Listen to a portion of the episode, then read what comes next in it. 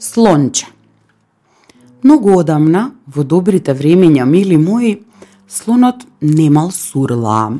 Имал само црн дебел нос, голем колку чизма, што се нишал ваму таму и со него слонот не можел ништо да фати или да дигне.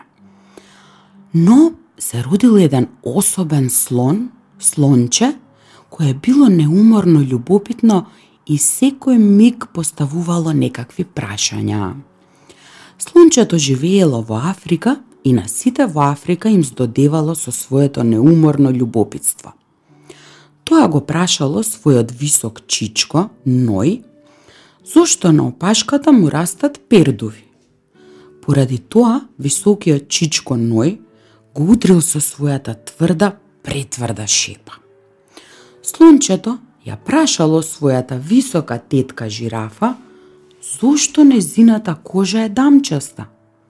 Поради тоа, високата тетка жирафа го клоцнала со своето тврдо, претврдо копито. Сепак, неговото неуморно љубопитство не се смирувало. Слончето го прашало својот дебел вујко, нилски конј, зошто му се црвени очите. Поради тоа, неговиот дебел вујко, нилски конј, го клоцнал со своето широко, прешироко копито. Тоа го прашало својот влакнест вујко Павијан, зошто дињите имаат токму таков, а не друг вкус. Поради тоа, неговиот влакнест, превлакнест двојко Павијан, го удрил со својата влакнеста, превлакнеста рака. Сепак, неговото неуморно љубопитство не се смирувало. Слончето поставувало прашања за се што ќе видело, слушнало, пробало, помирисало, допрело, а сите негови тетки, чичковци, вујковци и други роднини го тепале.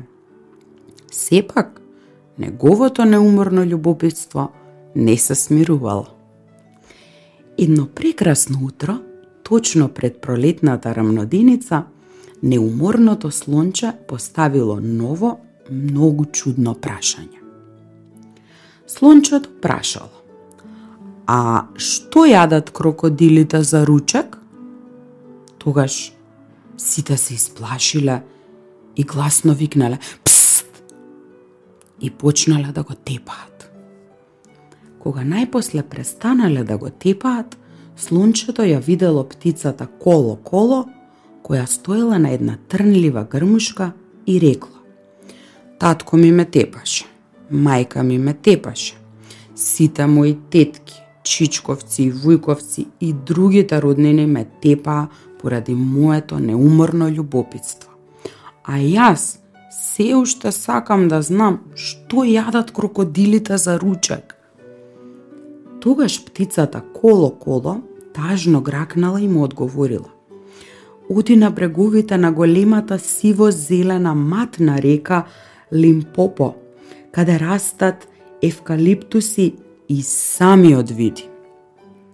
Следното утро, кога завршила рамноденицата, неуморното слонче зело околу 50 килограми банани, ситни со црвена кожичка, 50 килограми шеќерна трска, долга, со темна кора, и 17 дињи, зелени, и на своите мили роднини им рекло. Збогум! ќе одам до големата сиво-зелена и матна река Лимпопо, каде растат евкалиптуси, за да дознам што јадат крокодилите за ручек. И за среќен пат, сите уште еднаш го истепале, иако слончето многу љубезно ги молело да не го тепаат. Потоа, слончето малку огорчено, но не и изненадано, заминало. Патем тоа си јадело дињи, а корета ги фрлало на секаде, зашто не можело да ги собира. Слончето заминало од градот Грахам во Кимберли, а од Кимберли заминало во Хамовата земја, од Хамовата земја одело од запад кон североисток и цело време јадело дињи, додека не дошло на бреговите на големата сиво-зелена матна река Лимпопо, каде растеле евкалиптусти, која била точно таква каква што ја опишала птицата Коло-Коло. Треба да ви кажам, мили мои, дека до таа недела, до тој ден, до тој час и до таа минута, неуморното слонче никогаш не видело крокодил и дури не ни знаело како изгледа, тоа на вистина било неуморно љубопитно. Првото нешто што го видело слончето била големата змија, двобоен питон, завиткан околу големата карпа. А, простете, љубезно прашало слончето. А дали сте виделе во овие диви краишта крокодил? Дали сум видела крокодил? Гневно викнал двобојниот питон. Какво е тоа прашање? А, простете, повторило слончето. Но а, би сакале ли љубезно да ми одговорите што јадат крокодилите за ручек? Тогаш двобојниот питон за миг се одвиткал од карпата и почнал да го удира слончето со својата тешка, претешка опашка. Чудно, рекло слончето. Татко ми, мајка ми, чичко ми, тетка ми, а да не ги спомнувам другите роднини, нилскиот конј и павијанот, сите ме тепаа поради моето неуморно љубопитство. Веројатно и овде треба да го очекувам истото. Слончето учтиво се поздравило со двобојниот питон, му помогнало повторно да се обвитка околу големата карпа и заминало. Малку огорчено, но не и изненадено. Патем тоа си јадело дињи, а корите ги фрлало на секада, зашто не можело да ги собира. До самиот брег на големата сиво-зелена и матна река Лимпопо, каде растеле евкалиптуси, слончето стогледало нешто, бидејќи згазнало, а си помислило дека е трупец. А тоа всушност бил крокодил. Да, мили мои, и крокодилот со едно око намигнал. Ете така. А, простете, љубезно рекло слончето. Дали во овие диви краишта сте виделе крокодил? Тогаш крокодилот го подзамижал и другото око и до половина ја извадил опашката од тињата. Слончето уч, учтиво одстапило наназад, зашто не сакало повторно да го тепат. А дојди овде, малечок, му рекол крокодилот. Зошто прашуваш за тоа? А, простете, љубезно му одговорила слончето. Но мене ме тепаше татко ми, ме тепаше мајка ми, а да не зборувам за мојот двојко Ној, за високата тетка жирафа, која удира многу силно, за дебелиот вујко нилски конј и за влакнистиот чичко павијан. Дури и овде, на брегов, ме истепа двобојниот питон, кој со својата тешка, претешка опашка удира посилно од сите. Ако ви е се едно, тогаш ве молам, барем вие не тапајте ме. Дојди овде, малечок, повторило чудовиштето. Јас сум крокодил. И за да докаже дека на вистина е крокодил, почнал да лее крокодилски солзи. На слончето од радост му застанал здивот. Тоа клекнало на колена на брегот и рекло Вие сте тој кого јас го барам многу денови. Бидете добри, кажете ми, ве молам, што јадете за ручек? Дојде овде малечок, му рекол крокодилот. Јас ќе ти шепнам ново. Слончето ја наведнало главата кон забестата челуст на крокодилот, полна со остри заби, што мирисала одвратно, а крокодилот го скрапчил за носот, кој се до таа недела, до тој ден, до тој час и минута, не бил поголем од чизма. Денеска изгледа, рекол крокодилот ни заби, денеска изгледа за ручек ке јадам слонче. Тоа, мили мои, на слончето воопшто не му се допаднало, изборувајки на нос рекло Немојте, пуштете ме. Тогаш двобојниот питон од карпата викнал Моje младо пријателче, ако сега веднаш не почнеш да влечеш со сета сила, тогаш можам да те уверам дека твоето запознавање со таа голема кожена вреќа, тој го имал предвид крокодилот, за тебе ќе заврши многу лошо. Слончето седнало на брегот и почнало да влече се посилно, а неговиот нос се повеќе се растегнувал. И крокодилот силно влечел од водата и мафтал со опашката, составајќи бела пена на површината на водата. Носот на слончето почнал да се растегнува. Слончето станало и силно се опрело на нозата и продолжило да влече, да влече, да влече, а неговиот нос станувал се подолг. Крокодилот мафтал со пашката, како со весло, и продолжил да влече, да влече, а тоа било многу болно за слончето. Слончето сетило дека нозете му се лизгаат и низ носот, што тогаш веќе бил долг околу метар и половина. Промрморало. Ова е пресилно за мене.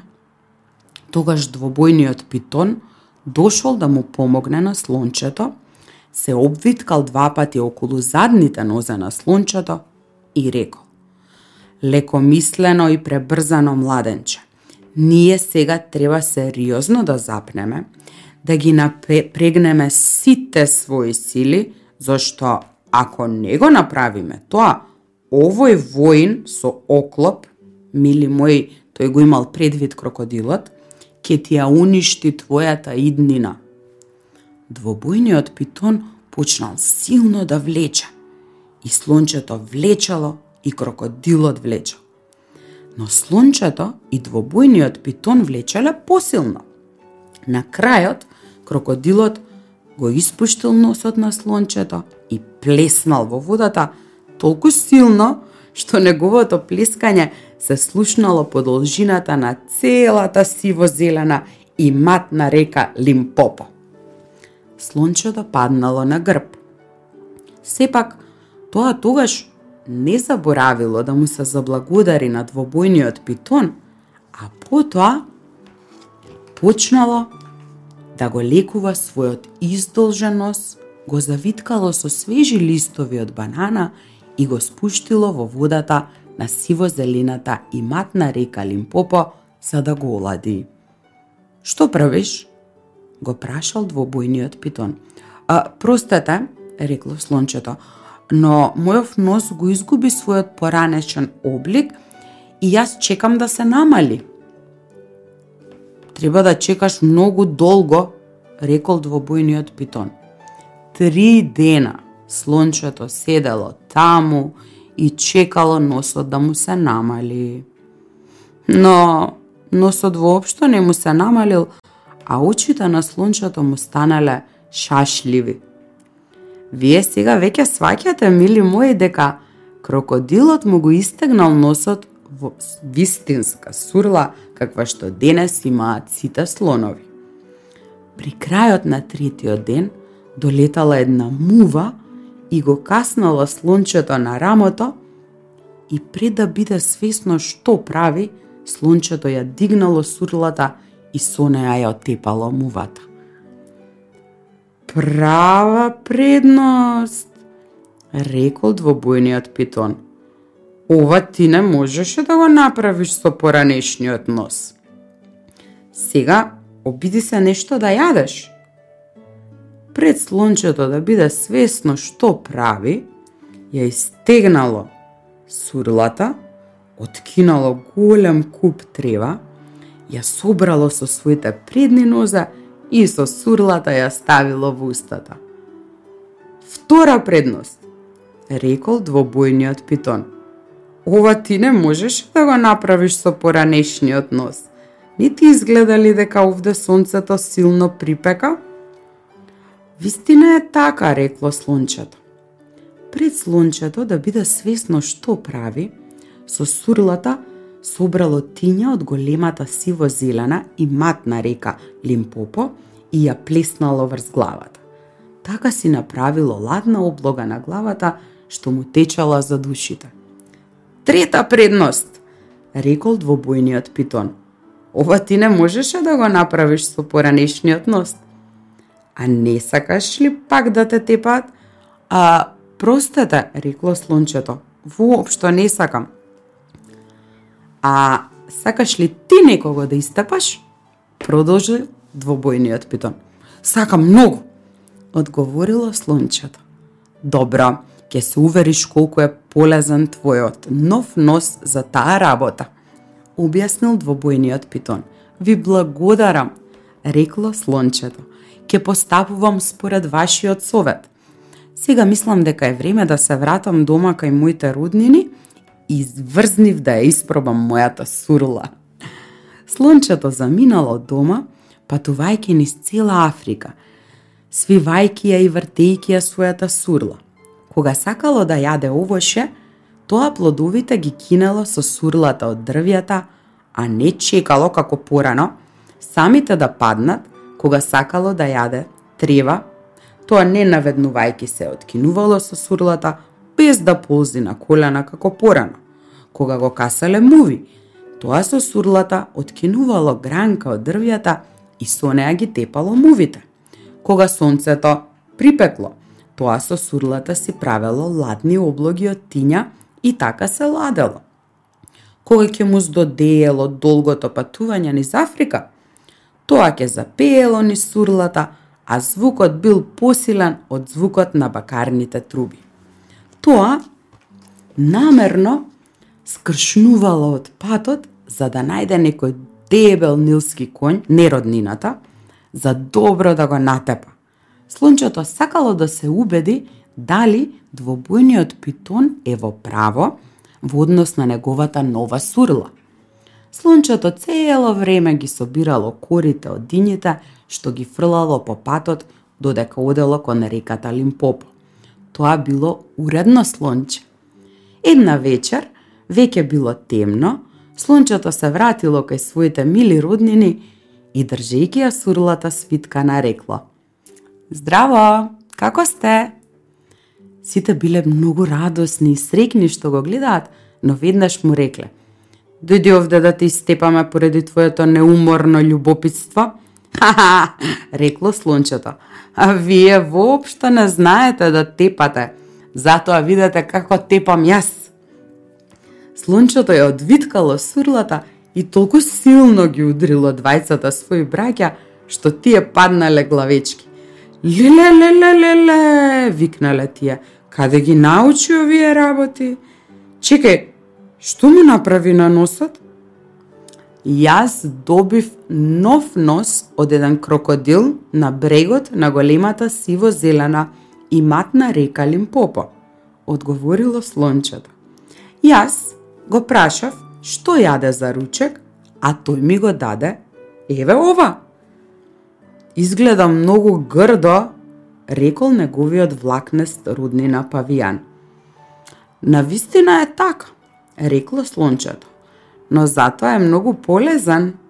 Со тие зборови, слончето го фатило својот влакнест руднина павијан за неговата влакнеста нога и го фрлило во гнездо на стршни. Слончето потоа ги тепало и другите своји роднини, додека сите не почнале да се плашат од него и да се чудат. На својот висок чичко ној му ги искубало сите пердови на опашката. Својата висока тетка жирафа ја фатило за задната нога и ја влечело низ една грмушка со трња. Слончето му викало на својот дебел чичко нилски конј и му дувало меури в ушите кога тој поручекот спиел во вода. Но никогаш, никому не дозволувало да ја навредува птицата коло-коло. Односите толку се заостриле, што сите роднини на слончето еден по друг брзо заминале на брегот на големата сиво-зелена и матна река Лимпопо, каде растат евкалиптуси за и тие од крокодилот да добијат нови носови. Кога тие се вратиле назад, повеќе никој никого не тепал. Од тогаш, мили мои, сите слонови што ќе ги видите, па дури и тие што нема да ги видите, имаат токму такви сурли, како сурлата на неуморно љубопитното слонче. Добра ноќ.